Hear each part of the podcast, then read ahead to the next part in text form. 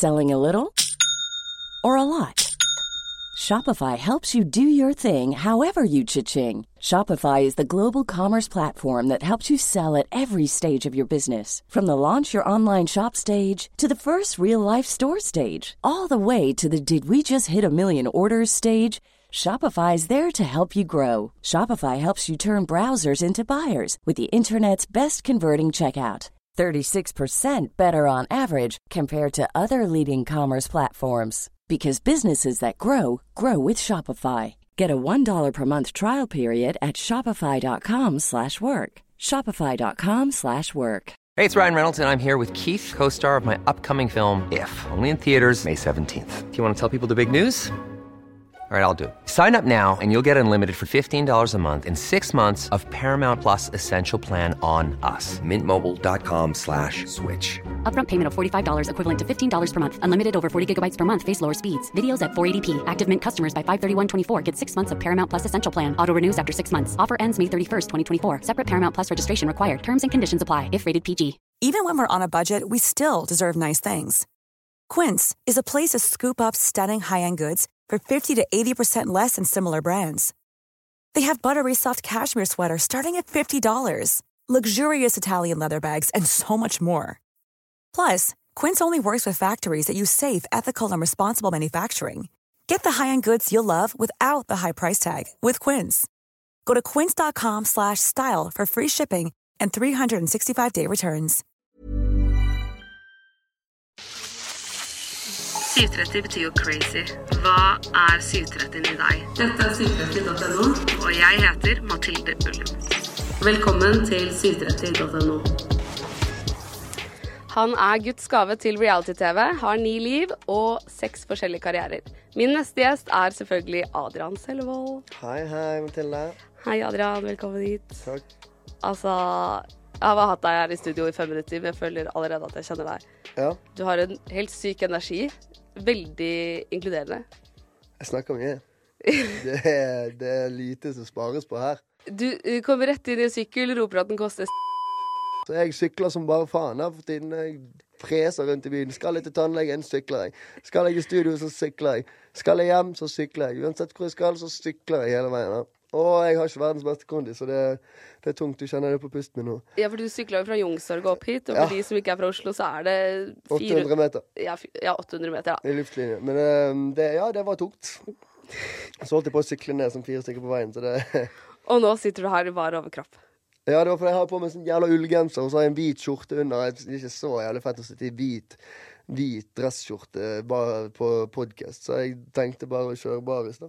Nå var det at du skulle si hvit ullgenser, for det har jeg på meg nå. Det er også en hvit ullgenser. Vi har begge på oss hvit ullgenser. Ja. uh, og den er jævlig varm fra Hest.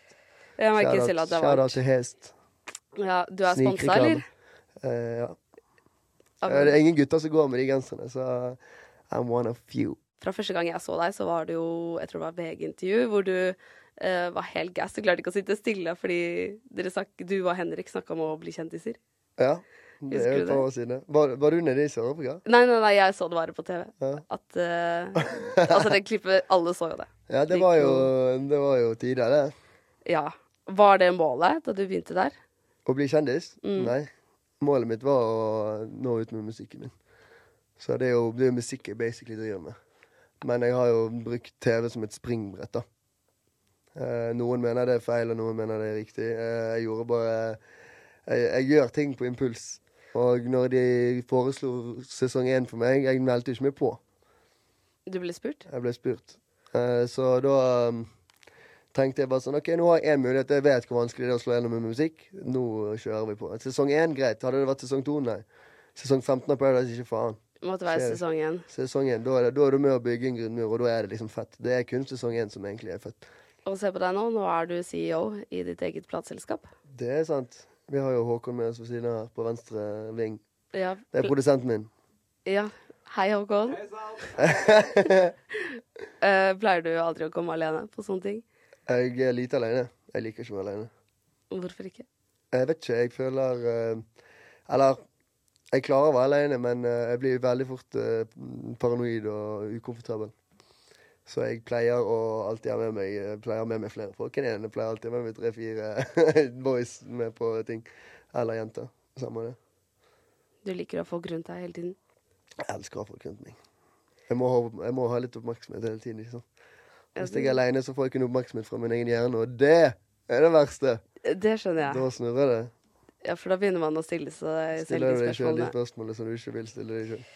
Ja. Jeg er litt konfliktsky med meg sjøl, tror jeg. Er det fordi du vet svarene? jeg. eh, Jeg liker kanskje ikke å anerkjenne alt hele tiden. Har du vært hos psykolog, da? Ja, Men jeg føler at psykologer er akkurat som å snakke med sin egen mor. Det er jævlig kjedelig, og det, det, du kommer ingen vei. Er det ikke mer som en PT for hjernen din? Nei. Jeg, jeg er iallfall sånn jeg, jeg, altså jeg kjenner veldig mange som syns at psykolog funker veldig bra. Men jeg, eh, det skal mye til før jeg slipper noen inn på meg, så det må sikkert 20 sånne timer til før det skjer. Og da er jeg allerede backet ut for lenge siden. Time tre, da er jeg ferdig, liksom. Ja, For du har prøvd før?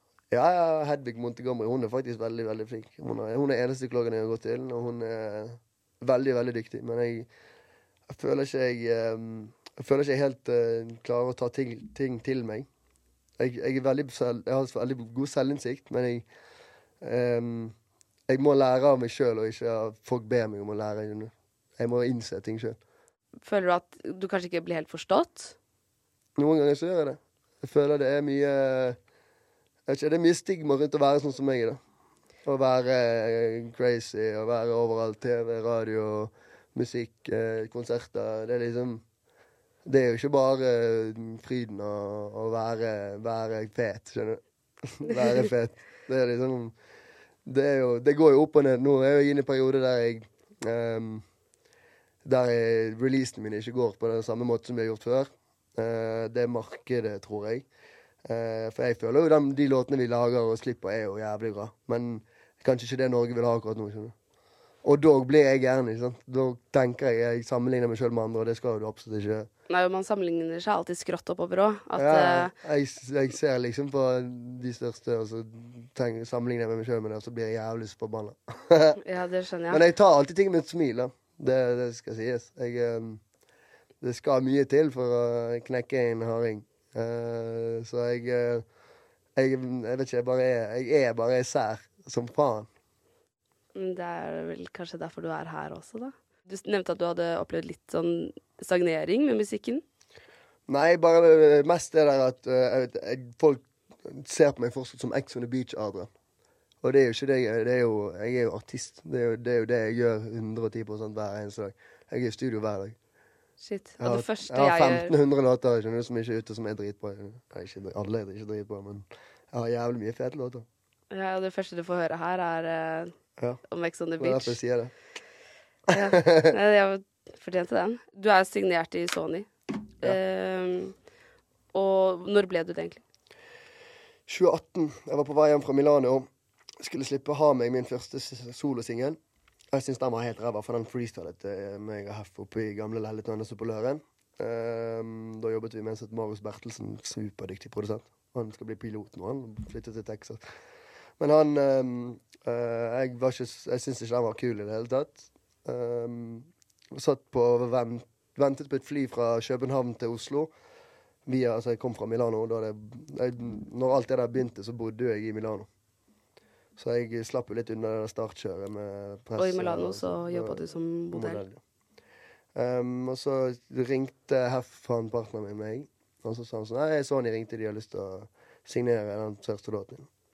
Og så sa jeg først nei, og så ringte de opp igjen, og så klasket de eh, fire ganger så høyt tilbud på bordet, og så sa jeg ja. Og så er resten historie. Det er jo dritfett, da. Så, men, men tingen er, jeg har ikke sånn artistavtale med sånn. Jeg har, uh, hva er det heter òg? Distro. Lisensavtale oh, ja, har vi. Så vi, vi produserer mis- mikser, og betaler for futures og sånne ting sjøl. Og så tar Sonja seg av listepromotering uh, via kanalen deres og New Music Friday. og sånn. Så vi gjør alt, basically alt sjøl. Håkon som sitter bak spakene nå eh, de siste fire årene. Og da har dere deres eget eh, plateselskap. Vi driver et eget plateselskap som heter Nonstop Music. Fett. Hey. Så du jobber som modell, går for Armani, bor i Milano, eh, lager din egen musikk, blir ringt av Sony, skal ha enda høyere tilbud, de matcher det. Jeg savner det den tiden. Nå var det jævlig mye trøkk, ass. Det var, det var gøy, altså. Nå er, det, nå er det best musikk, da. Jeg skjønner jo at det, det kan jo ikke gå den veien hele tiden. Ja, men fordi Det er derfor jeg blir så irritert, for jeg er vant til at det går sånn. Og så når det dapper litt, det er jo bare normalt. Jeg skjønner jo det. det er jo naturlig. Det er jo sånn vi mennesker sant? fungerer òg, ja. at man går opp og Men ned. jeg, hjernen min sier noe annet. Selv om jeg skjønner det sjøl, så, så, så, så, så, så er det et eller annet inni meg som sier faen, du suger. Skjønner du? Og du snakker sånn til deg selv. Nei, jeg, det er en eller annen inni meg som sier det til meg. Jeg vet ikke om jeg blir gæren eller hva det er for noe, men det er iallfall en eller annen fyr som sitter inni hjernen min og sier ting til meg som ikke er sant. Uh, og da blir du litt crazy. Eller du blir iallfall mot deg sjøl. Det er ikke så mange andre som ser det, men det har jo gått utover uh, det tidligere forhold, vennskap, uh, familie. Eh, jeg er litt sånn humørsvingende. Det er ikke alltid humørsvingninger. det. Eh, det er ikke alltid jeg er i beste humør, sånn som folk er vant til å se meg. Ja, for du kan ha veldig høye topper. At du kan gå Mm. veldig høyt. Bli, det er jo det karrieren din også har gjort. At du går veldig høyt opp. Du går dritbra på alle fronter. Og du jobber med mange forskjellige ting. Jeg har jo tusen baller i luften. Liksom. Og så Det er akkurat som å sjonglere med 18 baller, og så klarer du bare å ta imot to-tre av dem. Liksom. Så blir du forbanna fordi du mister de andre. Faen! Eller egg, du- da. Alle de eggene knuser. Så følger du med på den som faller ned, og da Ja, Du ser på de, og så er det sånn Fuck, hva skjedde med det egget, da? Skulle ikke ta det imot. Samtidig så tok det og det og det og det imot. Det er liksom Det er jo ikke noen som kan gjøre det. Med mindre du er helt sinnssyk. Og det er jeg ikke. Jeg tror ikke noen klarer det. For å være helt ærlig. det er helt Nei, det har vært litt eh, Det har vært, eh, det har vært mye Det har vært tungt de siste årene, men eh, det er Det er jo selvforsynt, men også eh, ting jeg har hatt lyst til. Og jeg har jo jeg, jeg, jeg blir jo ikke sliten. Men nå er jeg snart 25 år, så nå begynner jeg å merke på kroppen min at jeg, nå begynner jeg å bli sliten. skjønner du? Så um, før så kunne jeg holde på konstant jobbe, jobbe, jobbe. jobbe. Men nå, hvis ikke jeg sover nå, så blir jeg ko-ko. Hvis jeg sover litt. Jeg sjekket mobilen min nå en dagen. Siste seks måneder, gjennomsnittlig søvnen min hver natt er 3 timer og 48 minutter. I snitt siste halvåret. OK, da må jeg bare spørre Håkon på siden her. Merker du eh, noe til det? At han sover lite? Merker ikke det så mye. du nikker? Ikke at jeg merker det så mye, egentlig, men eh, altså, man, man kjenner jo på det på en måte i studio. Sånn. Og eh, det kan være fint å få seg noen ekstra timer med søvn, helt klart. Ja, for dere starter klokka åtte om morgenen. Og det kan jeg si det du sa i stad? At dere noen gang knekker en pils fra Ja, vi knekker en pils av og til. Jeg kan jo si det sånn at noen ganger så er det ikke at man har sovet noe hele natta, egentlig. At man bare møter opp, og så, så har man egentlig ikke sovet heller. Ja, det, det er jo Noen ganger så blir det sånn at, for at vi er ikke vant til å jobbe åtte til fire, ikke sant. Men nå har vi Det, det er sånn studiet vårt er nå. Um, og det er jo en litt omstilling òg. Så i starten her, når vi hadde det studioet, så var det ofte nach til studio. Ja, Men nå har dere faste tider hvor dere må bruke Nå studio? Nå prøver vi å være i studio i ni-ti. Og så jobber vi til fire. Og så noen ganger får vi ha studio lengre, så jobber vi hele kvelden. Men uh, tidligere så har vi jobbet, jobbet vi jo 17-18 timer om dagen hver eneste dag. Å, fy Så var det fort maks fem timer søvn om natten. Jeg tror ikke den snittsøvnen min er helt accurate, for at jeg sover jævlig mye. Det er Noen ganger så sover jeg 20 timer. Så jeg sover jævlig mye òg. Iallfall nå etter jeg kom hjem fra sykehuset. Sånn, Da, da har jeg lagt og sovet jævlig mye. Jeg, jeg, jeg har låst meg litt inne i min egen leilighet etter jeg kom hjem fra Bergen, så jeg, eh, jeg har lagt mye Forrige helg så lå jeg fra lørdag til tirsdag i sengen uten å gå ut en dør. Jeg lå skiftet fra sofaen til sengen i fire dager. Jeg gikk ikke én meter. da. Da sa kroppen din stopp. Nei, det var ikke kroppen som stoppet. Det er bare jeg, eh, jeg ble Etter det som skjedde med meg i Bergen, så tror jeg eh, jeg har, vært så mye, jeg har vært så mye alene hjemme i Bergen at jeg tror kroppen min vil være alene. Jeg er vant til å være med folk hele tiden, konstant. Og når du går fra det å være på et sykehus i en og en halv uke og rett hjem til mamma og ligge oppe på loftet og spille Xbox, som jeg ikke har gjort siden jeg var 14, så, så blir du vant til det. OK, her, må, her er det Det er mye, Mye. mye preik her. Ja. Kan du fortelle hva som skjedde i Bergen? Du vet jo det. Nei, jeg, ehm, eh, jeg skulle egentlig på et møte med Sony på onsdagen. der. Det var 27. juni. Så ringte jeg til Sony, for jeg var, jeg var med masse barndomsvenner som jeg ikke hadde sett på mange år. De hadde lagt til fire båter på langs på Bryggen. Så fikk jeg noe gratis um, uh, Post Malone-billetter av Magnus og Philip Bambam fra STKT. Og jeg tenkte sånn Ja, OK, jeg ringer Jørgen i Sony sier sånn Hei. Kan vi utsette møtet til etter sommeren? For det var ikke hastet ikke, det var bare at jeg skulle hilse på det nye teamet, og de hadde jeg møtt i Oslo uansett. Så jeg droppet flyet. Ble igjen, og så dro vi på Post Malone-konsert. Det var jævlig gøy. Eller, det var også litt stress, men jeg, jeg fikk jo ikke sett én låt. Jeg måtte jo ta selfie hele tiden, så jeg, så, jeg tror ikke jeg så på scenen engang. Jeg tror jeg tok mer enn 1200 selfier den dagen. Jeg kødda ikke, det var helt stress. Og jeg er alltid som sier ja, det er derfor jeg blir sliten av det. For jeg, jeg, sier ikke nei. Jeg er veldig sånn um, jeg, jeg, altså Det er jo derfor vi gjør dette. Det er jo for at folk skal For, for, det, altså for det, første så gjør, det, gjør jeg musikk for min egen del. For musikk for meg er Jeg klarer ikke å snakke om følelser til andre mennesker, så jeg lager musikk for å uttrykke dem. Men det er også for de folkene som altså, føler på det samme som jeg føler på de sangene mine. Men uh, det er litt sånn stress da når du må ta så jævlig mye selfier. Men hvordan funker hodet ditt etter det? Fordi når du har hilst på så mange fremmede mennesker, så det var det går man jo litt på høyre. Jeg fikk litt sånn breakdown etter konserten Inni i båten til kompisen min. Og så dro jeg videre på afterparty på Hotell Norge på et jeg husker ikke hva det heter, en sånn klubb ved siden av. Uh, og så dro vi på Børsen på et annet afterparty eller noe sånt. Så dro jeg hjem til en kompis som jeg får bade i boblebad og nasje der. Bare meg, han og en venninne eller noe sånt. Og så dro jeg inn igjen til byen fordi jeg eh, hadde lovet å sove med han barndomskompisen min i båten. Og så hadde alle sovnet, bortsett fra han ene, Markus Myhr. Stakkar, han ble jo traumatisert. Så vi gikk bort på nabobåten, vi visste hvem de var. Og så var det en som foreslo at vi skulle hoppe fra skurtid. Jeg sier jo ikke nei, selvfølgelig skal jeg hoppe fra skurtid. Opp der, gjorde en framlingssalto. Landet solid i vannet, perfekt. Men jeg, jeg klarer ikke å gi meg etter én, så jeg må alltid ta to tre, fire. Så jeg gikk opp andre gangen, og da sklei jeg. Jeg spente bein på min egen fot. Så var det åtte meter rett i asfalten med hodet først. Ett brudd i nakken, tre brudd i høyre kjeve, ett brudd i venstre kjeve, og så var det kragebeinet som røyk. Jeg var heldig, da. Så det var nakkekrage og kjevelås i Nakkekragen var det tre måneder. Så var det én måned med kjevelås. Det var det verste. Hvordan fungerer en kjevelås? De tar sånne greier på tennene dine, så på vei opp, vei opp og nede, så tar de vaier mellom alt. Så du var helt låst. Du kan ikke åpne munnen. Hvordan var det for deg, som er så glad i å prate? Jeg lærte meg å snakke sånn. Det er så jævlig gøy. Jeg snakket sånn en måned. Men ja, fordi du ser jo ikke hindringer. Nei, nei, jeg må jo alltid Nakkekragen er veldig lett å bli vant til. Det er egentlig bare bra, for da får du rettet opp nakken. Jeg er litt sånn, jeg henger litt. Du ser hvordan jeg sitter. Sitter litt sånn slapt. Og sånn har jeg alltid vært. Så når jeg gikk med nakkekragen, så fikk jeg jævlig sånn bra holdning. For jeg er helt sikker på at Hadde vi hatt en annen med akkurat samme opplevelse, så ville du jo beskrevet det som det jævligste i livet sitt. Noen, den, de fleste hadde dødd, da. Ja, og jeg, du Men jeg tror Jeg drev med turn i, i ni år. Um, og så, så jeg tror det var flaks litt sånn fallteknikk og de turnegenskapene Altså, jeg har landet mye på nakken tidligere, så jeg tror jeg tåler litt mer enn en vanlig kropp som ikke har drevet med sånn type ekstremsport som jeg drev med før. Jeg har landet jævlig mye på nakken. Han har aldri knekt. Jeg har landet Jeg, har en video der jeg kjørte Jeg hadde ikke gjort trippel backflip på sånn et år. Og så klasket jeg rett på nakken og reiste meg opp igjen og gjorde det en gang til. Så jeg tror jeg tåler Jeg tror jeg, jeg har sånn brusk i nakken. Jeg tror det var jævlig heldig heldig at jeg drev med litt akrobatikk. Jeg tror du har ni liv.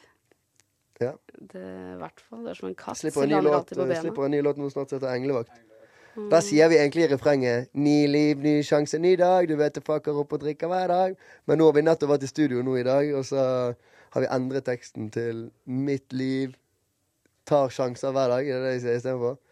Så vi endrer, for det, en bergenser kan ikke si 'ni' og 'ny' etter hverandre. Ni, og de har hørt litt, ut. 'ni' ny, ny, ny, ny, ny. Det høres helt likt ut.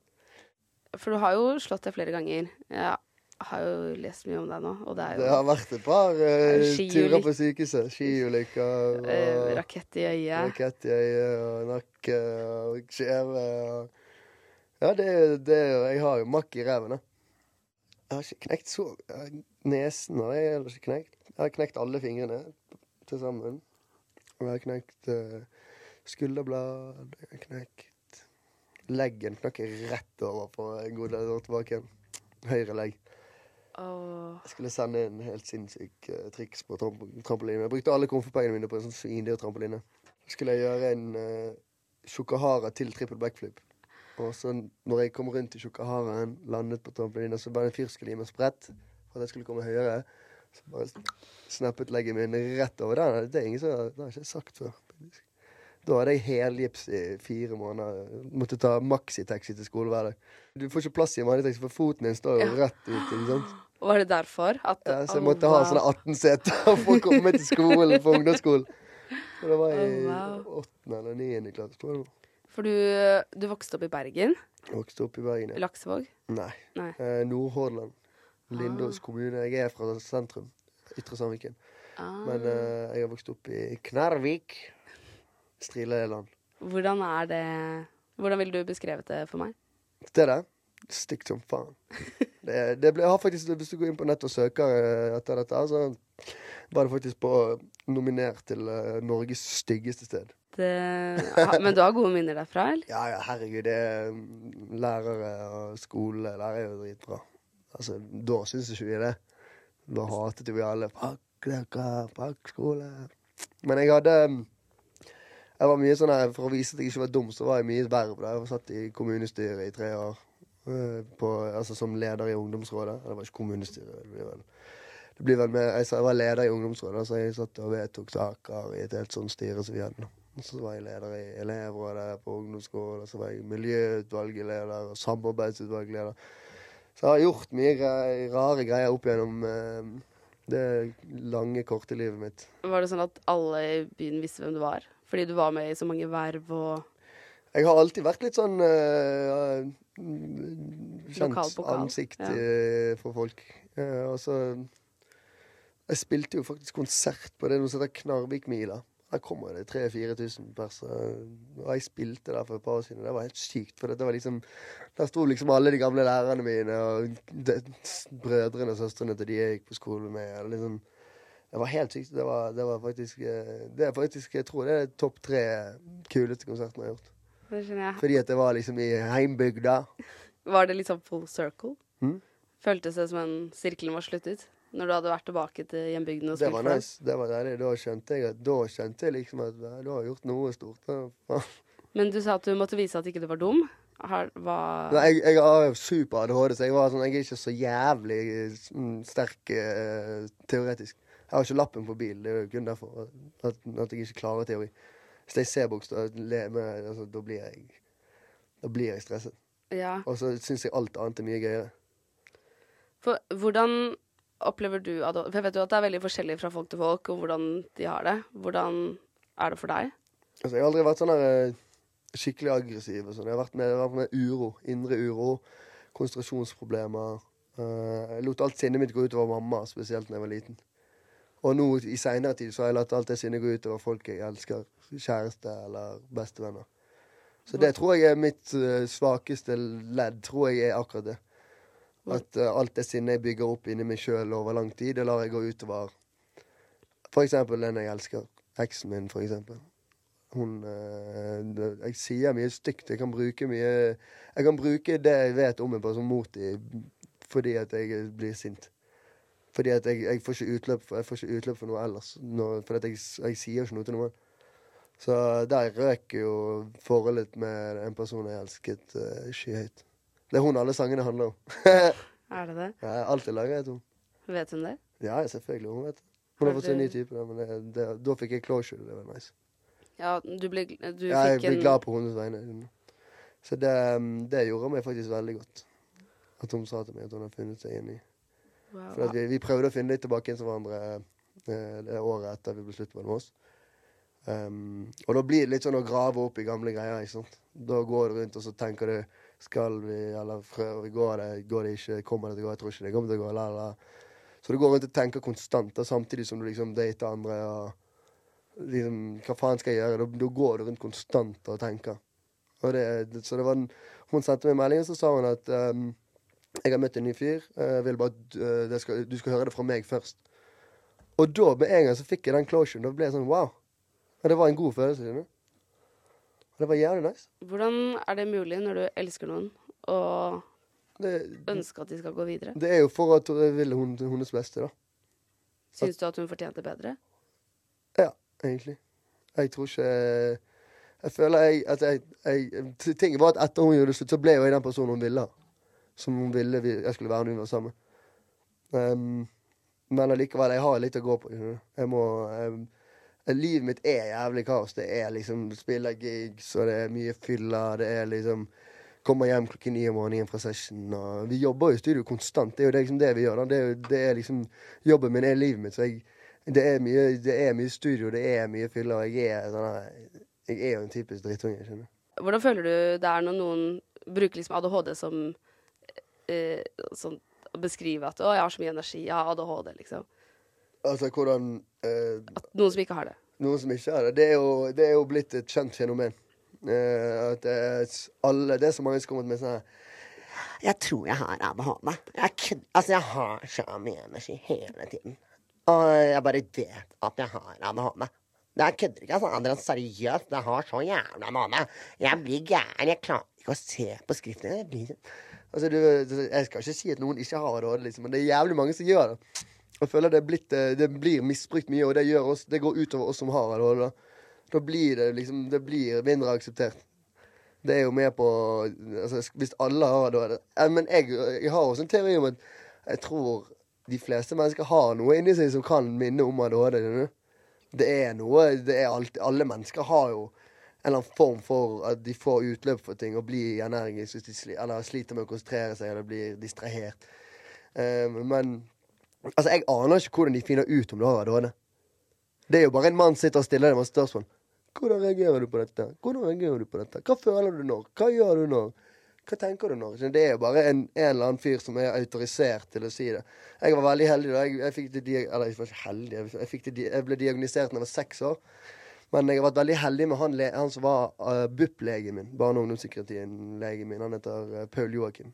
Fantastisk mann. Han jobber på barnesykehuset i Bergen nå. Han, uh, og han er den eneste jeg ringer til hvis det er noe sånn Det er veldig sjelden, da, men jeg, jeg har ringt han et par ganger og bare sånn Bro, jeg, jeg aner ikke hva jeg skal gjøre. Inni, nå funker ikke hjernen min lenger. Så, og han, han, han er fortsatt samme, den samme fyren som var den legen min når jeg var seks år. Så han har jeg hatt liksom i livet mitt hele tiden. Så han er en skikkelig sterk 20 år, da. trygghet for deg. Ja, så, men så sluttet han jo når jeg var, når jeg var jeg var bare Jeg tror jeg var ti år eller noe sånt. Da, da skiftet han jobb. Da begynte han å jobbe på sykehuset med et eller annet eller noe sånt. Han skiftet der for et eller annet. Og da husker jeg da, da ville ikke jeg gå til legen lenger. Da syntes jeg ikke det var, det var noe kult lenger. Heller ikke kult. For han fikk det til å virke som at det var en bra ting å ha ADHD. Det var jo veldig sånn eh, Følte meg litt annerledes da da jeg var liten. Jeg var jo helt Jeg hoppet rundt og gjorde mye spill. Jeg var aldri sånn. Jeg var ikke han som knuste ruta, men jeg var jeg, var, jeg gjorde alltid så mye. Jeg skulle alltid løpe rundt. Og jeg var bare klatret i trær og skadet meg. Og raspet opp rygg og armer. og Mye blåmerker på meg. Sant? Eh, men han eh, Men så, i voksen alder så har jeg hatt kontakt med han igjen. da. Jeg tar ikke medisiner heller. Det føler jeg er å drepe ADHD. Jeg skjønner folk som jobber med fokus, og folk som studerer, og sånn, at de bruker medisinene sine til å roe seg ned. Men jobben min er jo å være Adrian. Jeg kan, hvis jeg tar de medisinene, så blir jo jeg Da demper du Adrian. Da, er- da fins ikke Adrian lenger. Da er jeg styg. Mm. Da er jeg, da er jeg en helt annen person. Uh, så jeg Men jeg tar ut medisiner, og så uh, bruker jeg de når jeg trenger det. Hvis jeg, hvis jeg virkelig må fokusere på noe, så bruker jeg medisinene mine. Og det Men eh, det var litt sånn dårlige minner med de medisinene, for de, det er jo jeg ble puttet, De puttet jo Ritalin i meg da jeg var seks år. Det er jo amfetamin. Skal du putte amf i en liten baby, eller ikke en baby, seksåring, første klasse på barneskolen, så skiftet de meg over til konserter. Det er også amf. Begge de to er sentralstimulerende. Så kom det et, ny, et nytt medikament som het Stratera, og jeg var en av de første i Norge som ble testet på det. Og det er ikke sentralstimulerende, så det er ikke amfetamin. Altså det er ikke det stoffet som heter Jeg ikke hva det heter. Det er, det heter min, eller. Det er samme, samme ending som amfetamin. Det er, det er akkurat det samme. Det er bare legeamfetamin. Um, og det er sånn du må bruke det i minst en måned for at det skal funke. Men uh, mamma ga meg alltid pille til frokost når jeg skulle spise frokost. Og så tok jeg alltid lommen og lot som jeg svelget den, og så kastet jeg den når jeg skulle til bussen. Alltid. Jeg hatet de der. Jeg syns det var placebo som faen. Det var sikkert fordi jeg ikke testet, men Men jeg har bare alltid hatt et dårlig Dårlig eh, Jeg har vært dårlig dårlige vibes med de medisin. Så um, Du sa også at du hadde hatt et um, At du hadde tatt ut på moren din da du var liten. ja, mye aggressiv Mye, mye sinne som gikk utover mamma. Hvordan er forholdet deres nå? Vi er veldig godt forhold. Jeg elsker mamma. Eh, Men uh, mamma, ble, mamma var veldig sånn, eh, litt sånn halvtrangsynt da jeg var vokst opp. Hun, hun kjeftet mye. Fordi at hun ble sliten av at jeg var så gæren. Liksom.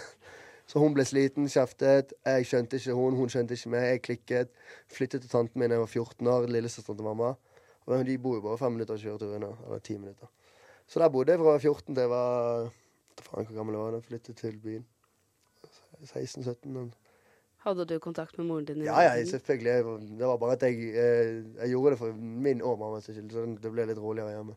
Det var bare kjefting og smelling, og jeg truet med å drepe alle. Og fuck dere! Knuste tallerkener. Og.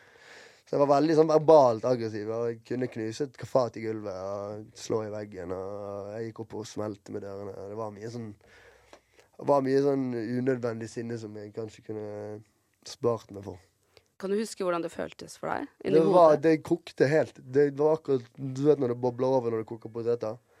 Sånn så det ut inni hjernen min. Og det bare Du vet denne apen i Simpson The Movie når han står og klinger inni hjernen til Homer Simpson? Sånn var det. Ding, ding, ding, ding, ding. Jeg ble helt, jeg ble helt sinnssyk. Og så er det nesten som at folk utenfor snakker til deg i sakte film. Ja, sånn, og så blir du bare sånn, Snakker et helt annet språk til deg.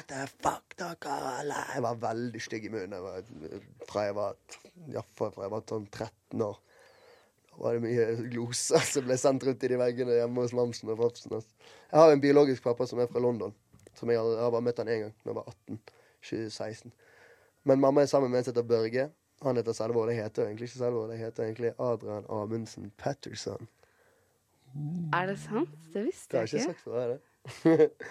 Eh, Men mamma alltid Du vet det er vanlig når, når en far aldri har vært i bildet, så er det vanlig for foreldrene å si det når du er sånn 18-20 år. skjønner du?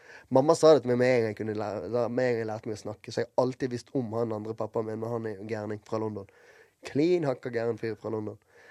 Har du Eh, møtt så- han noen gang? Jeg møtte han da jeg var 18. Jeg dro ned på eget initiativ. Han bor i Nederland. Hvordan var det å møte Jeg da. biologiske far? Eh, Jeg gjorde det mest for hans skyld. Han trodde aldri han skulle få møte meg. Men han som mamma er sammen med, de har vært sammen siden jeg var ett. Han jeg kaller for pappa. Det er faren min. Han heter Sellevold. Jeg heter Sellevold. Så jeg er en Sellevold. skjønner du. Ja, du er jo det. Du er Så jeg er liksom, det, det er faren min. Jeg har liksom det, det er ikke snakk om å se på han andre som en far. Han prøver å ringe meg hele tiden. Han er en jævla kukksuger. Han er en drittsekk. Jeg tror jeg har liksom det snille fra mamma, og så har jeg det der gærne greiene fra han. Så jeg har sånn kombo. Miks. Syre og vann. Eller det er vann og syre. Syre i vann går an, men vann og syre blir pang. Jeg husker ikke den regelen. Naturfaglæreren min lærte meg. Jeg hadde veldig gode karakterer på ungdomsskolen. Eh, Men når jeg gikk på videregående, så begynte jeg å gi mer. Hva faen. Da var det musikk, og det var Jeg skulle bli russ, og jeg skulle spille konserter, og jeg skulle starte ja, 100 selskaper, da. Bilse bilselskap og eiendomsmeglerselskap. Jeg skulle, bli, jeg skulle, jeg skulle lage alt, jeg. Wow. Ja, fordi nå Many of us have those stubborn pounds that seem impossible to lose, no matter how good we eat or how hard we work out. My solution is PlushCare. PlushCare is a leading telehealth provider with doctors who are there for you day and night to partner with you in your weight loss journey. They can prescribe FDA-approved weight loss medications like Wagovi and Zepbound for those who qualify. Plus, they accept most insurance plans. To get started, visit plushcare.com slash weight loss. That's plushcare.com slash weight loss. Hey, it's Ryan Reynolds, and I'm here with Keith, co star of my upcoming film, If, only in theaters, May 17th. Do you want to tell people the big news? All right, I'll do it. Sign up now and you'll get unlimited for $15 a month in six months of Paramount Plus Essential Plan on us. Mintmobile.com slash switch. Upfront payment of $45 equivalent to $15 per month. Unlimited over 40 gigabytes per month. Face lower speeds. Videos at 480p. Active Mint customers by 531.24 get six months of Paramount Plus Essential Plan. Auto renews after six months. Offer ends May 31st, 2024. Separate Paramount Plus registration required. Terms and conditions apply if rated PG. One size fits all seems like a good idea for clothes until you try them on. Same goes for healthcare. That's why United Healthcare offers flexible, budget friendly coverage for medical, vision, dental, and more. Learn more at uh1.com. Vi må gå inn på de, alle disse karrierene dine. For når jeg leser om deg, så er det, det er klesdesign, det er musikk, du driver eget plateselskap, du har jobba som modell, eh, og TV-innspillinger. Hvordan Nå fikk jeg egentlig svaret på det i stad. Hvordan får du tid til det? Du sover jo ikke. Ja, men Det er jo kanskje derfor masse hadde gått til helvete. da. Jeg har ingen struktur. Jeg ser på jeg, Når vi litt tilbake på det der å sammenligne seg sjøl med andre jeg, liksom, jeg ser folk de sånn De står opp tidlig, og de drikker kaffe klokken syv, og um, de vasker leiligheten sin hver dag, og det er strøkent, og liksom Jeg elsker å, å rydde, men jeg må ha noe, jeg må ha en grunn for det. Jeg elsker Jeg fyrer opp masse stearinlys, duftlys, elsker jeg. Jeg har mer skin-routine enn en jente på badet. Jeg har, jeg har morgen, mellomdag og kveldsrutine. Jeg dusjer to ganger om dagen. Jeg huden min Jeg tar ikke vare på kroppen min, men jeg tar vare på huden min i ansiktet. Det, det, det der er jævlig god. Så er liksom, det er noen ting jeg er veldig obsessed med, men jeg, jeg klarer liksom ikke Selv om jeg ser masse rot rundt meg, så tar det mange dager før jeg gidder å ta det. skjønner du? Med mindre det er noe som skjer. Hvis jeg kommer kompiser på besøk, eller vi skal ha vorspiel, så ja, helvete, da vasker jeg som gud. da. Jeg elsker å vaske. Ja, da liker du å ha det helt shinings. Ja, ja. Men når jeg er aleine, det Hvorfor i helvete skal jeg ha det ryddig? Men eh, du sammenligner deg selv ofte med andre? Ja, jeg, jeg har veldig lyst til å ha struktur. Jeg, jeg snakker mye om å ha struktur.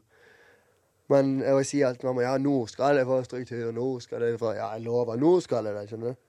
Men det skjer jo aldri. Jeg, og jeg vet ikke, jeg vet ikke om det, det, det er jo denne ADHD-en som gjør at jeg ikke klarer å bare Jeg har aldri spart en krone i hele mitt liv. skjønner?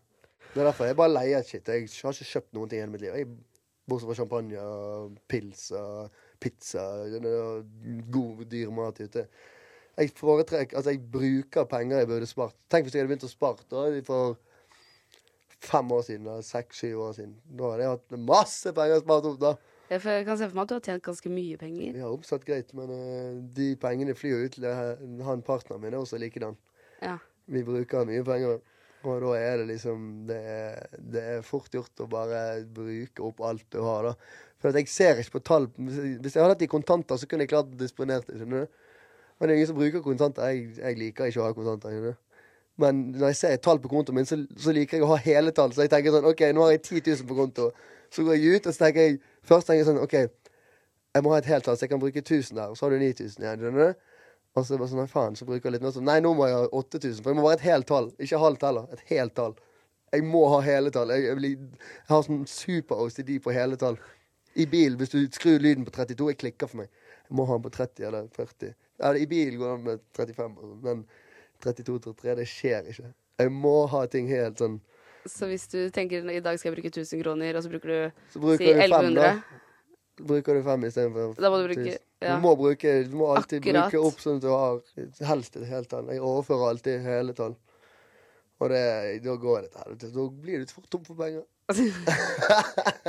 Du jobba som modell eh, i Milano, og da gikk du for Armani, Mm. husker jeg. Og så okay. eh, gikk du for noen flere. Birkenstock, Puma. Det er et merke i Italia som er samme som Sara. Jeg husker ikke helt hva det heter, men det er Der gjorde en jævlig kul sånn dresskampanje for de med fire-fem forskjellige dresser skulle være på noe Ikke et show, eller jeg husker faen ikke. Jeg koste meg med Milano. Kult. Har du jobba litt her i Norge òg, som modell? Veldig, veldig, veldig lite. Um, det er jo på grunn av det TV-greiene. Ja, fordi de ser annerledes på deg i, i Italia enn de gjør her. Ja, Når jeg kom ned til Italia, det var det som var digg. Jeg reiste til Italia rett etter Eller rett før det ble lansert at det var på Ex Beach. Så der nede vet jo ingen hvem jeg er. Så jeg spilte inn tre musikkvideoer der nede mens jeg bodde der. Med en som jeg bodde med fra Canada. Adam heter han. Sinnssykt flink. Eh, Så meg og han lagde de tre første musikkvideoene mine sammen. Mens vi bare fartet rundt i byen på casting, og så filmet vi liksom musikkvideoscener innimellom slagene på syke broer med elven der, og inn i leiligheten. Og det var liksom Og hang med andre modeller ja, han jo, ja, vi, bare, bare, vi henger bare med modeller. Jeg bodde jo med ni andre boys fra forskjellige land. Brasil, Russland, Canada, um, USA, Sverige, Danmark, eh, en fra Norge.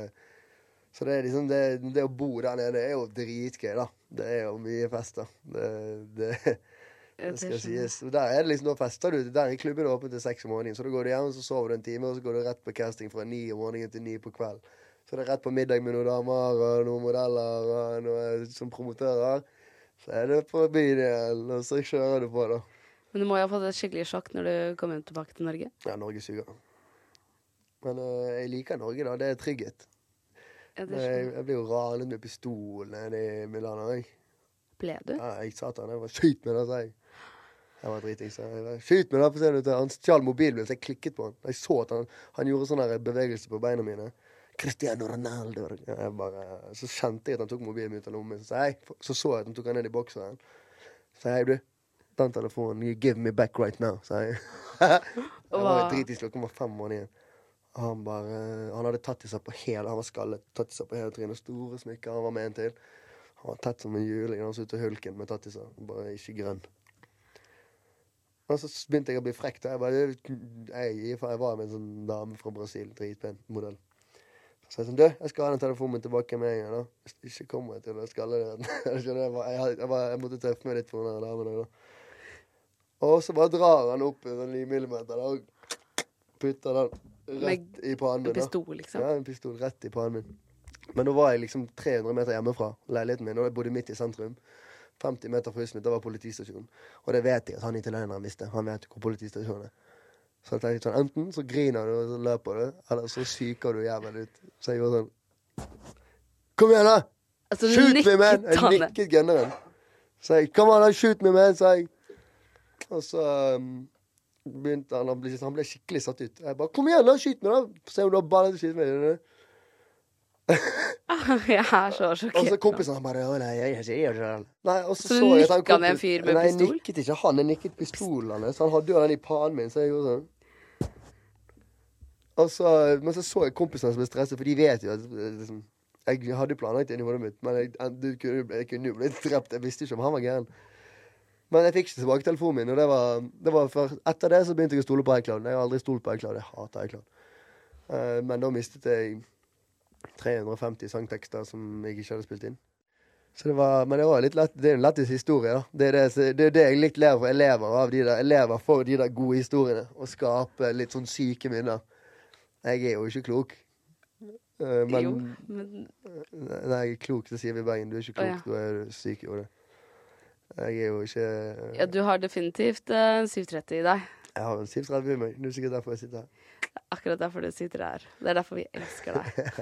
For vi elsker jo alle som har en 730 i seg. Ja, Eh, verden hadde vært fargeløs og kjedelig uten. ikke sant? Jeg hater kjedelige mennesker. Men noen ganger så kan jeg like å henge med kjedelige mennesker, for det, det trekker meg litt ned. Men ved siden av deg så tror jeg mange blir kjedelige. Fordi du ikke er det.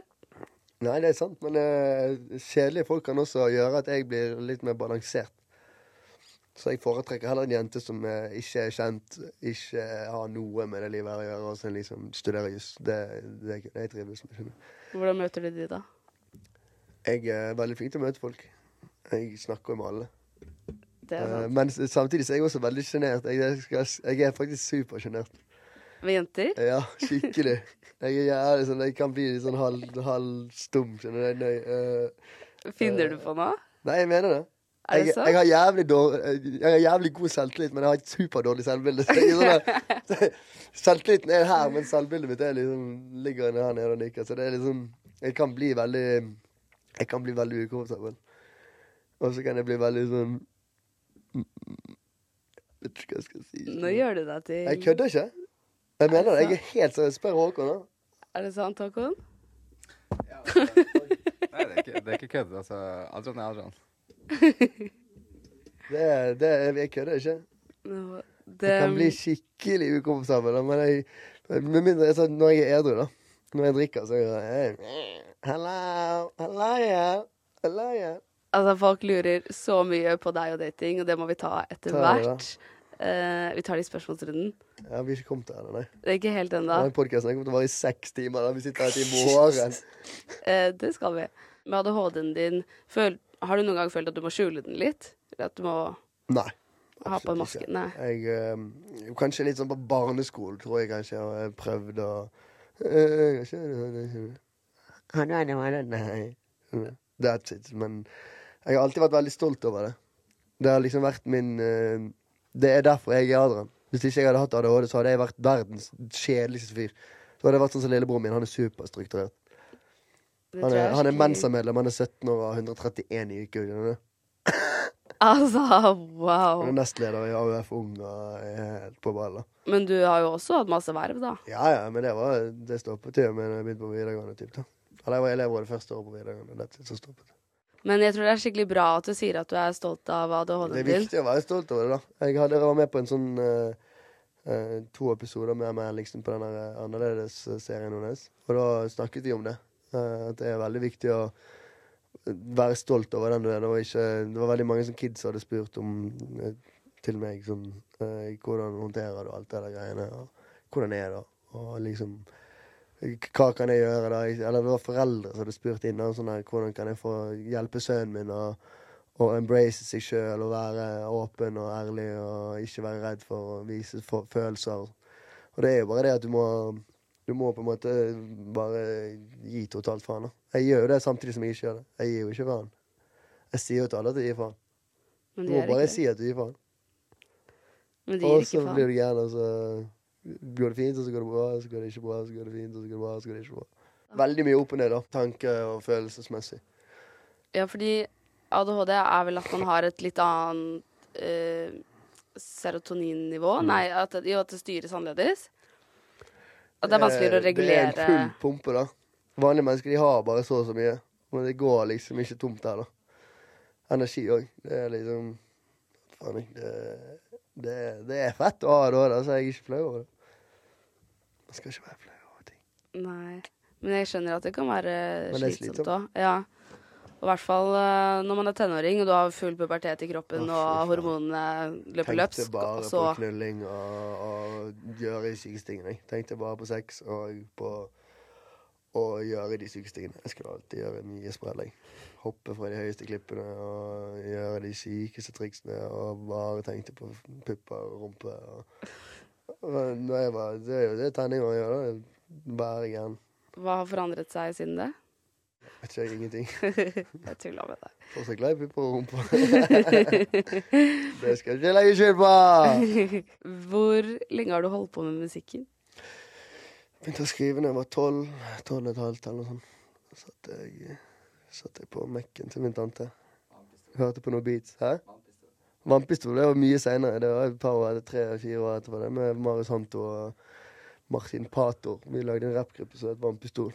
Å, og den uh, viser du den tatovering av nå? Ja, pistol. Oh. Det var første rappgruppen jeg hadde på Spotify. Så har jeg laget russelåter tidligere.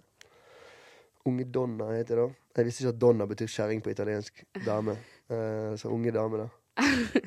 Unge kjerring. Jeg lagde bare russelåter til folk i Haugesund mest, og altså litt i Bergen. Um, det var også noe jævlig hyggelig. Da, da ble jeg også kjent med mye av de folk, eh, artistene jeg kjenner i Oslo i dag. Adrian Amara ble kjent med på den tiden. Um, Eivind Alnes, han er en DJ som vi også møtte på den tiden. Um, og møtte mye sånne, her, møtte mye folk, da. Eh, Så var jeg DJ-en til Aksel F fra jeg var 16 til 18. Så jeg var på turné. Jeg var norgesturné med Aksel F fra jeg var 16 til jeg var 18. Trodde det var normalt jeg å drikke sprit i ukedagene. Det, var, det var Du lærer mye, da. Du blir jo, du blir jo godt opplært. Jeg lurer veldig på hvordan en fest med deg ser ut. Jeg er ikke så fan av å dra ut i Oslo, egentlig, men jeg går mye ut i Oslo. Jeg gjør det bare fordi jeg får FOMO som faen på alt. Jeg får så fair of missing out. Hvis du eh, Hvis jeg sier til meg sjøl i dag skal jeg ta det rolig, jeg hjemme, ser på en film, og andre rolig, lag deg noe digg mat. Jeg er jævlig god på kjøkkenet. Lager noe digg mat, chiller'n. Men jeg bor jo tre minutter jeg går fra Skøyum, og tre minutter fra Bogstadveien Jeg går. Så jeg bor midt på uh, Solli, typ. Så det, det, det skal lite til for å få meg til å dra ut, da. Hvor ofte drar du ut? Det varierer. I perioder så, som jeg sa, så ligger jeg Hva faen skjer nå? Eh, I perioder så eh, ender jeg opp med å bare dra ut en gang i uken, liksom. Fordi at jeg ligger inne og ikke gjør en dritt resten av uken. Men det blir jo mye fyring, da. Det skal ikke jeg legge skjul på. Jeg har jo sagt mange ganger at nå skal jeg slutte å fyre mye. eh, Jeg lyver bare til meg sjøl. Og alle andre.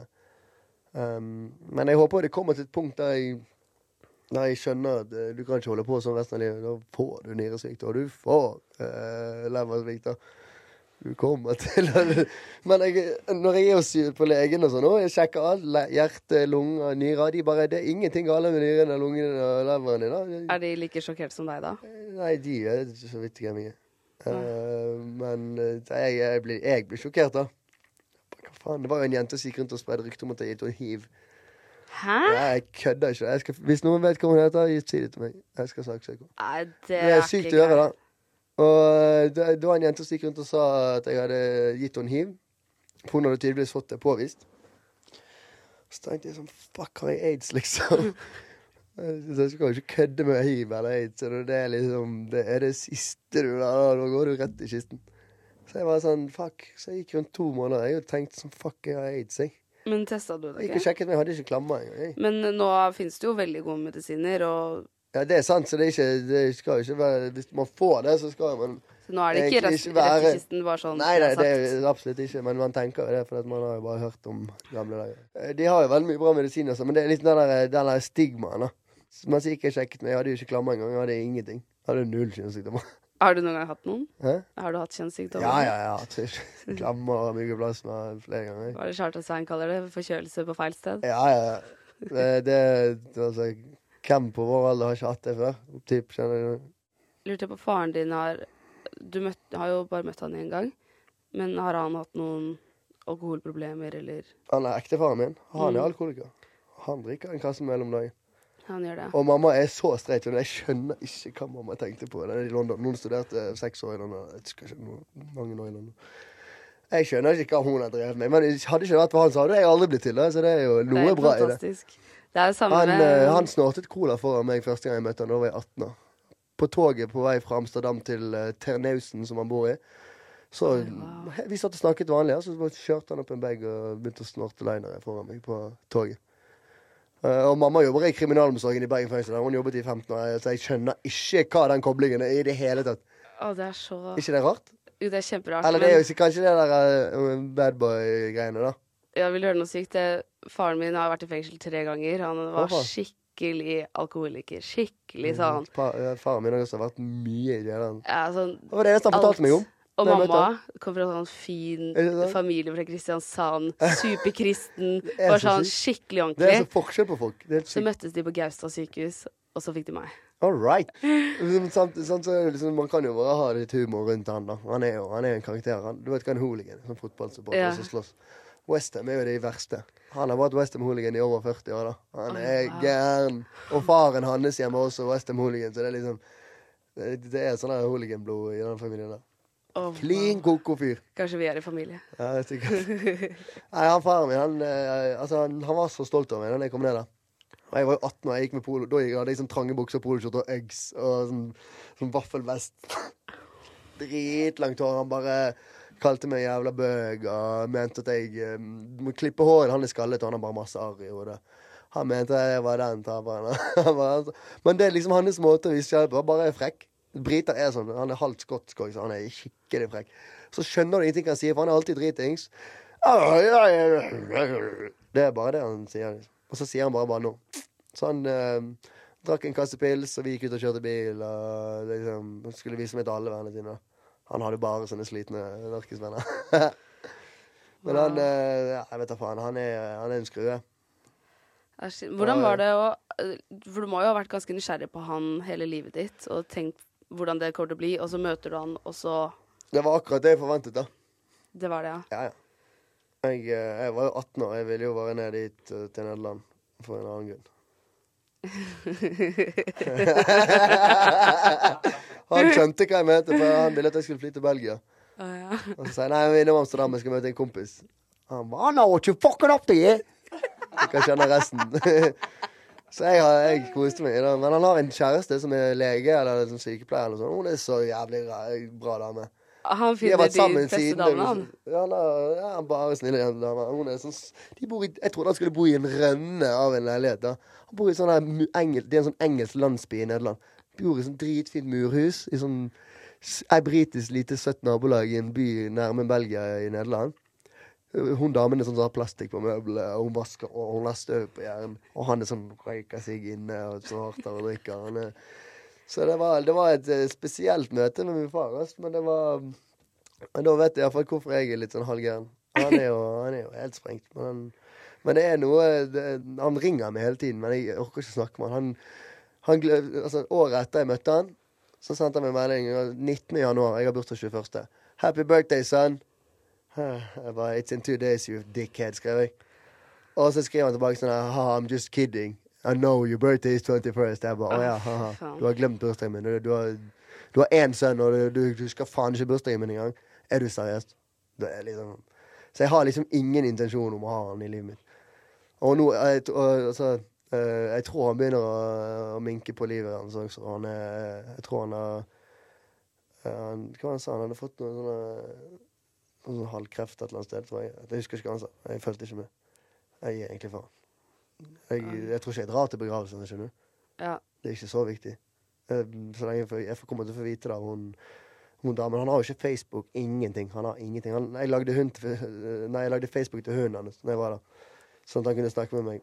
Eh, Men jeg får melding av hun damen hennes.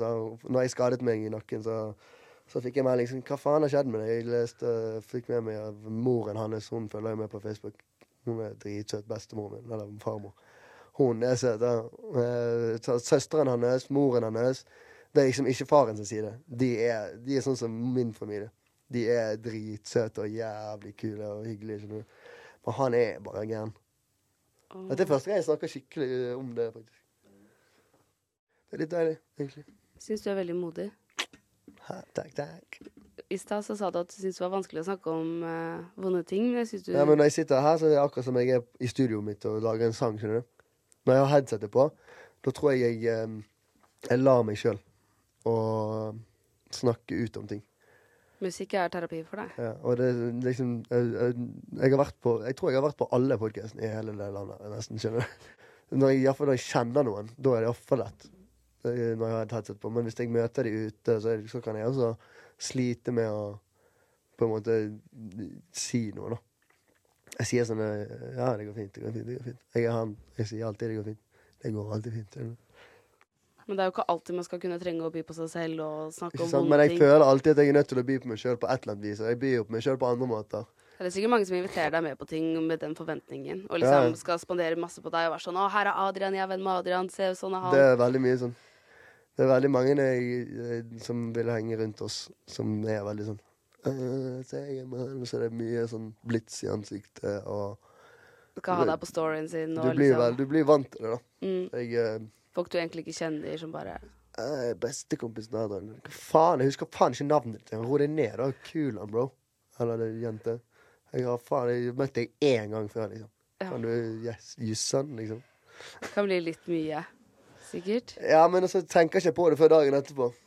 Jeg kan være litt med i, i driven der og da, skjønner du. Fordi du er en people pleaser. Jeg, hva hva skal jeg si da? Stikk? Jeg er ikke han fyren i det hele tatt. Jeg er ikke en person som sier Hei, du. Eh, du kan ikke si det der, kan du stikke? Jeg, jeg er ikke han fyren i det hele tatt. Jeg kommer, jeg kommer aldri til å være han fyren. du. Blir en people pleaser også. Jeg liker, jeg, jeg, liker, jeg liker jo det òg, men jeg vil ikke Jeg vil ikke være kjip. Oi, sorry. Jeg vil ikke være kjip. Det er det siste jeg vil være. Jeg, vil, jeg liker å please folk, da. For da slipper jeg alt det der andre greiene. Og følge opp. og noen ganger så koker det litt over. Ja. Og spesielt med de du er mest glad i. Ja. Er det noe de kunne ha gjort for at eh, det skulle blitt bedre? Nå legger jeg ikke eh, prøver jeg ikke å legge ansvaret på de, da. Men Er det altså, jeg tror det ligger mest i meg, men det er ofte folk ikke forstår meg helt også, som gjør at jeg, det kan trigge. da. Det var jo ikke bare, det ikke bare jeg som gjorde at det gikk skeis med meg og hun eksen min, men uh, hun også var Det var jo noe som hun gjorde som ikke hun skjønte med meg, som gjorde at det ble sånn og sånn. Og hun kunne si ting som gjorde at jeg tente litt på pluggene og sånn, men det er jo i hovedsak så er jo hovedproblemet ligger i meg. Hadde ikke jeg vært sånn, så hadde det aldri skjedd. Men hadde ikke jeg vært sånn, så hadde dere sikkert aldri møtt meg. skjønner? Men tror du at Eller har du noen råd du kunne gitt noen som er i forhold med en som har ADHD? En som har ADHD som ligner litt på din? Uh, altså, Jeg skal ikke si vær tålmodig, for de har, de har hun og Jeg har ikke så mange ekser. Jeg har to-tre skikkelige ekser. De er alltid tålmodige, men det er bare det lille ekstra tålmodige som gjør at jeg klarer å bare Det er jo mest når jeg drikker og sånn, da. Og jeg drikker jo mye for å lindre. Så det er litt sånn For du bruker ikke medisiner, men du driver litt selvmedisinering med alkoholen og Ja, ja, kjører på. Eh, Blir det noen gang tyngre stoffer? Det er mulig. Eh, men um, eh, Det skal jeg ikke gå inn på, men eh, det er jo Folk vet hvem jeg er. De, de folk er jo ikke dumme. Jeg snakker jo om rus i tekstene mine. Og, Eh, det er jo Ofte så tyr du til andre ting da, for å glemme ikke noe sånn tunge, tunge greier. Men eh, det har vært, mye, det har vært litt spliffere opp igjennom, og det har vært litt, uh, har vært litt greier. Men um, det er viktig å ha selvinnsikt og være å være, bare vite at du, at du gjør ting som ikke er bra. Uh, så må du heller fikse det opp igjen uh, litt senere, i litt senere tidspunkt. Du er så ærlig, Adrian. Det er helt sinnssykt. Jeg føler, jeg sa det jo til deg i stad, men jeg føler at rommet blir mye større. Er du klar for en spørsmålsrunde? Ja, jeg, er- jeg er klar. jeg. Ladies and gentlemen, Instagram spørsmålsrunde. Instagram spørsmålsrunde.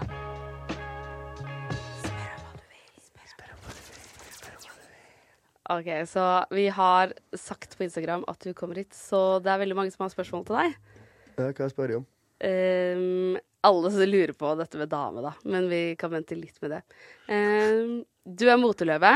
Hva syns du om status på den norske motebransjen anno 2022? Mm. Jeg liker utviklingen. Veldig mye fokus på gjenbruk. Det syns jeg er kult. Uh, jeg syns også flere kunne vært litt mer på ball og kledd jeg ser, jeg ser, Når jeg går ute, så ser jeg mye folk som kler seg helt jævlig. Jeg vet ikke hvorfor de gjør det, men faen, ta nå på dere noe fett, da. Jeg kødder ikke, det er ikke buks ned i sokken, liksom. Det er 29. Går det fint med deg, eller? Er du seriøs? Folk gjør det fortsatt. Jeg vet ikke, bare jeg, Altså, jeg liker å være fresh og se bra ut. Men jeg, altså, jeg føler også at jeg også jeg er, ikke, jeg, er ikke, jeg er ikke så opptatt av det nå som jeg var før.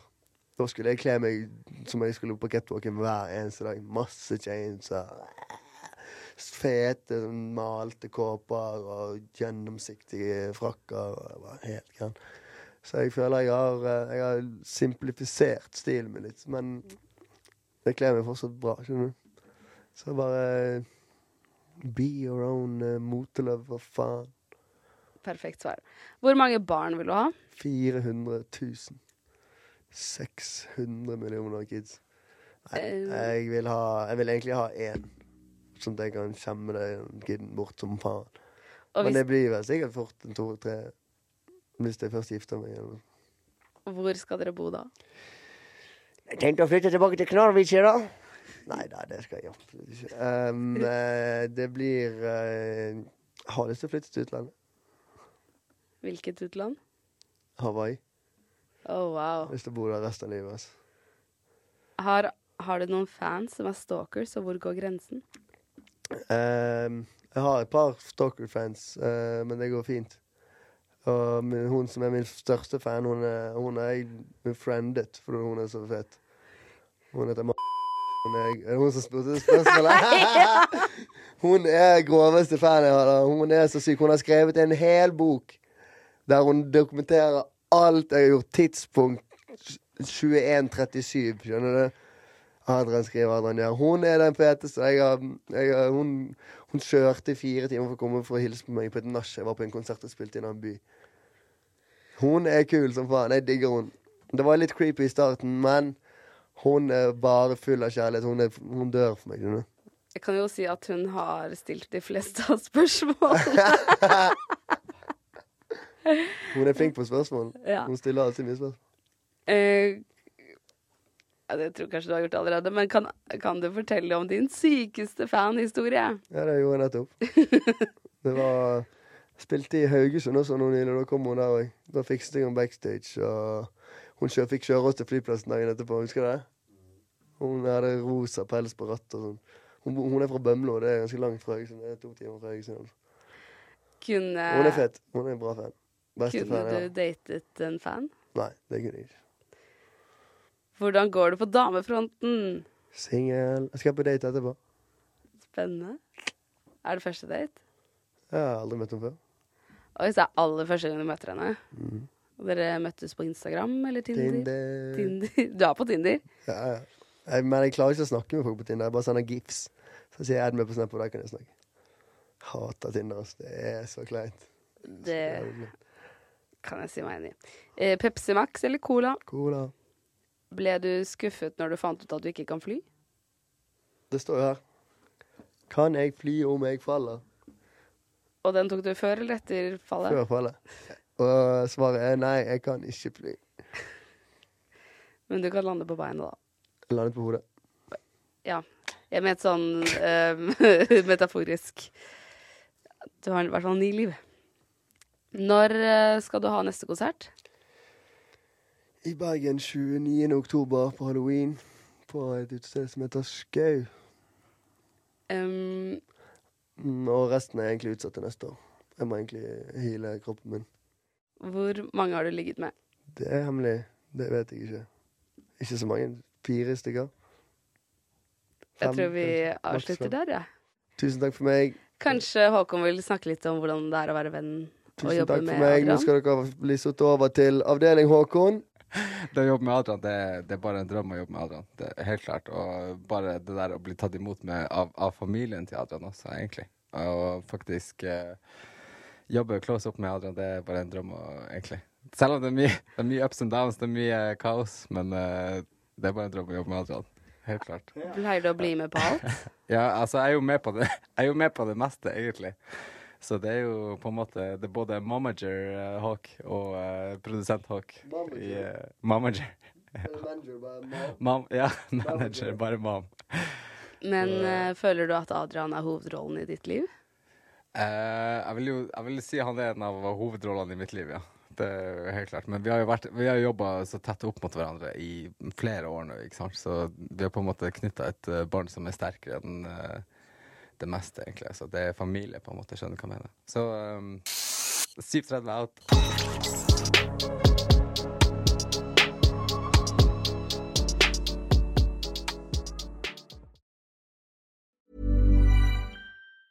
Hey, it's Danny Pellegrino from Everything Iconic. Ready to upgrade your style game without blowing your budget? Check out Quince. They've got all the good stuff shirts and polos, activewear, and fine leather goods, all at 50 to 80% less than other high end brands. And the best part? They're all about safe, ethical, and responsible manufacturing. Get that luxury vibe without the luxury price tag. Hit up quince.com slash upgrade for free shipping and 365 day returns on your next order. That's quince.com slash upgrade. Planning for your next trip?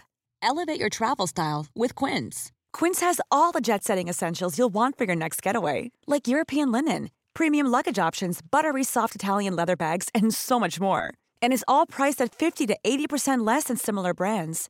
Plus, Quince only works with factories that use safe and ethical manufacturing practices. Pack your bags with high-quality essentials you'll be wearing for vacations to come with Quince. Go to quince.com slash pack for free shipping and 365-day returns. Imagine the softest sheets you've ever felt. Now imagine them getting even softer over time. That's what you'll feel with Bowl and Branch's organic cotton sheets. In a recent customer survey, 96% replied that Bowl and Branch sheets get softer with every wash. Start getting your best night's sleep in these sheets that get softer and softer for years to come. Try their sheets with a 30-night guarantee. Plus, get 15% off your first order at bowlandbranch.com. Code BUTTERY. Exclusions apply. See site for details. Tusen takk for at du hører på 730-podden. Hvis du har lyst til å være veldig kul, så er det bare å legge igjen fem stjerner. Og da blir jeg veldig glad, fordi det er jeg som lager alt til denne podden. Og jeg trenger masse gode stjerneanbefalinger for å kunne be sjefen min om litt høyere lønn. Så det hadde vært veldig fint. Jeg slipper nye episoder hver eneste tirsdag. Og hvis du ikke har hørt alle ennå, så er det bare å spole tilbake i biblioteket. Og trykker du på følg, så kommer alle de nye episodene rett inn i spilleren sekundet de blir sluppet. Send meg gjerne en DM hvis det er noen du har veldig lyst til å ha som gjest. Og husk at vi alltid poster spørsmålsrunder på Instagram Story, så da kan du få med spørsmålet ditt i neste episode hvis du vil det. Ha det bra!